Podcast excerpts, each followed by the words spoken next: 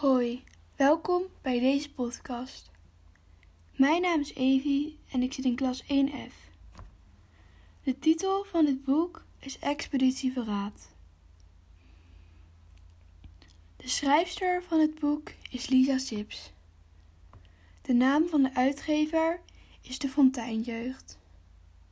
Het boek is uitgegeven in het jaar 2016. Waar het boek zich vooral afspeelt in is, in, is in Ibiza. Daar gaan de spelers van Expeditie Verraad door het hele land reizen om geweldige spellen te doen. Wanneer het vooral afspeelt is rond, de, ja, rond deze tijd, rond nu. De hoofdpersoon in dit verhaal is Pippa. Het overkomt haar dat ze haar baan verliest. Maar daarna wordt ze uitgenodigd voor een fantastisch spel, Expeditie Verraad. Ze grijpt haar kans en doet gelijk mee.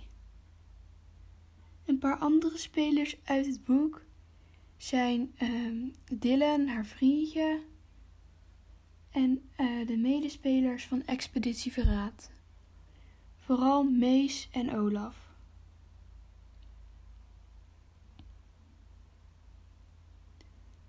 Ik vind de belangrijkste gebeurtenis en vooral de leukste om te lezen dat um, Pippa jarig is.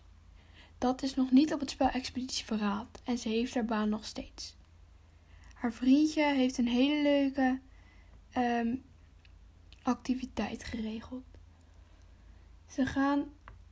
Um, haar vriendje is een van de belangrijkste um, zangers op dit moment. Hij heeft geregeld dat, ze, um, dat er allemaal WN'ers komen op een fantastisch groot feest. Ze krijgt een scooter voor de verjaardag. Um, ik uh, heb dit boek gekozen omdat ik toen de achterkant las en toen vond ik het gelijk al een leuk boek. Ik had gelijk zin om verder te lezen. Um, de titel, dat is Expeditie Verraad.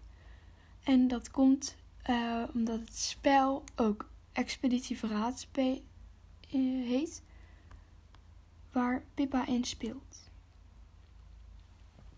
Um, er zijn niet echt uh, verhalen of gebeurtenissen die mij in, indruk op mij hebben gemaakt. Um, ik vind het verhaal niet lastig om te lezen, want het is echt heel makkelijk geschreven en vooral heel leuk.